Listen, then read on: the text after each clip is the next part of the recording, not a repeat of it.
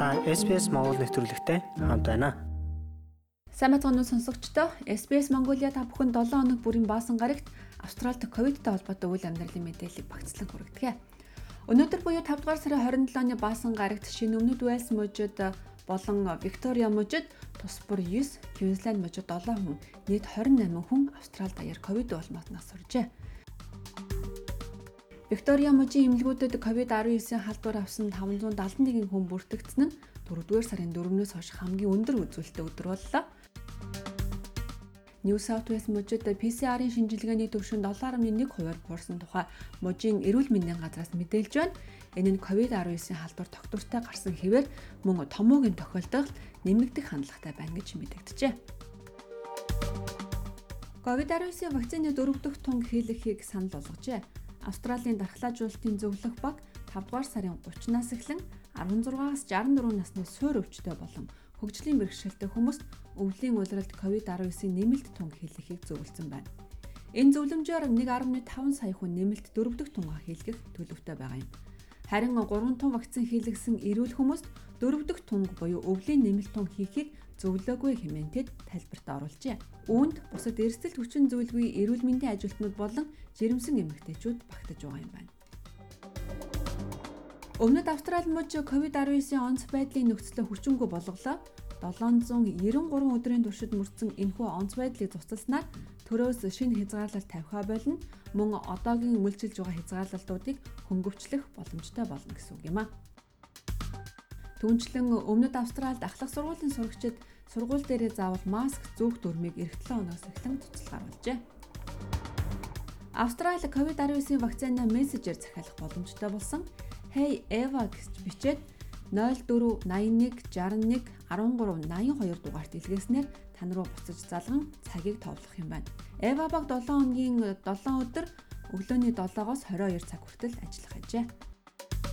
Төв Австралийн ковидын шинжилгээний төвөд эвлэрлийн өдөр буюу 5 дугаар сарын 30-ны даваа гарагт нээлттэй ажиллана хэмээн зарлаж байна. Western Australian шинээр сонгогдсон хөдөлмөрийн засгийн газартай гэрээ байгуулж гадаадд байгаа сувилагч нарт ирж ажиллах хүсэлтэй байгаа бол иргэншил олгох, үүнд шуурхан арга хэмжээ авах талаар ажиллах хүсэлтэй байгаагаа илэрхийлжээ. Тус мужид COVID-19-ийн тохиолдлын тоо нэмэгдэж, эрүүл мэндийн ажилтнуудын хомсолд орж байгаатай холбоотой юм байна.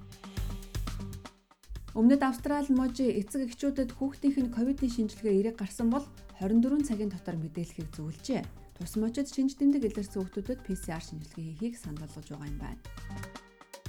New South Wales мужийн эрүүл мэндийн сайд Brad Hazard хэлэхдээ мужийн эмнэлгүүдэд COVID-19 болон томоогийн хэвтэн эмчилэл тохиолдол нэмэгдэж ажилтнууд өвчний улмаас ажиллаа хийх боломжгүй болж байгааг анхааруулсан байна. Тиймээс оршин суугчдыг томоогийн эсрэг вакциныг цаг алдалгүй хийлгэхийг уриалж байна. Квинсленд мужид 6 сартаагаас дээш бүх насны оршин суугчдаа томоогийн вакциныг үн төлбөргүй хийхээр болсон байна. Оршин суугчид 6 дугаар сарын 30 хүртэл эмийн сангийн эмчтэй уулзаж үн төлбөргүй хийлгэх боломжтой.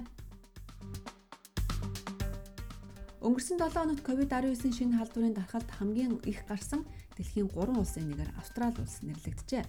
Сүүлийн 7 хоногт 365,168 ковидын тохиолдол Австралид бүртгэгдсэн байна. Тэгвэл Америкийн нэгдсэн улсад 700 131 харин хятад 502 065 тохиолдолд бүртгэгдсэн юм байна. Дэлхийн эрүүл мэндийн байгууллага өндөр болон бага орлоготой орнуудын вакцин хийлгэсэн хүний зүрэг арилгахыг уриалж байна. Бага орлоготой орнуудын хүмүүсийн дөнгөж 16% нь нэг тун вакцин хийлгэсэн гэсэн бол өндөр орлоготой орнуудын 80% нь эхний тунгаа хийлгэчгээд байгаа юм. Дэлхийн эрүүл мэндийн байгууллагын тэргүүн Тедрос хэлэхдээ тахал ид шидээр арилахгүй халдвар бүх улсад үгүй болж иж тахал зогсноо гэж мэдгдсэн байна. Шинжилгээний түвшин буурч байгаа ч дэлхийн 70 улсад бүртгэгдсэн тохиолдлууд нэмэгдсэн хэвээр байна гэж тэрээр онцолжээ. Би та бүхэндээ энэ 7 хоногийн даваагаас баасан гаргийн буюу 5 дугаар сарын 23-наас 27-ны өдрийн хооронд Австрали болсон ковидтэй холбоотой үйл амьдралын мэдээллийг багцлан хүргэлээ. Ирэх 7 хоногт уулзтлаа. Түр баярлалаа. SPS Монгол хэлээр бидний нэвтрүүлгийг Facebook сошиал хуудасаар бусдаа хуваалцаарай.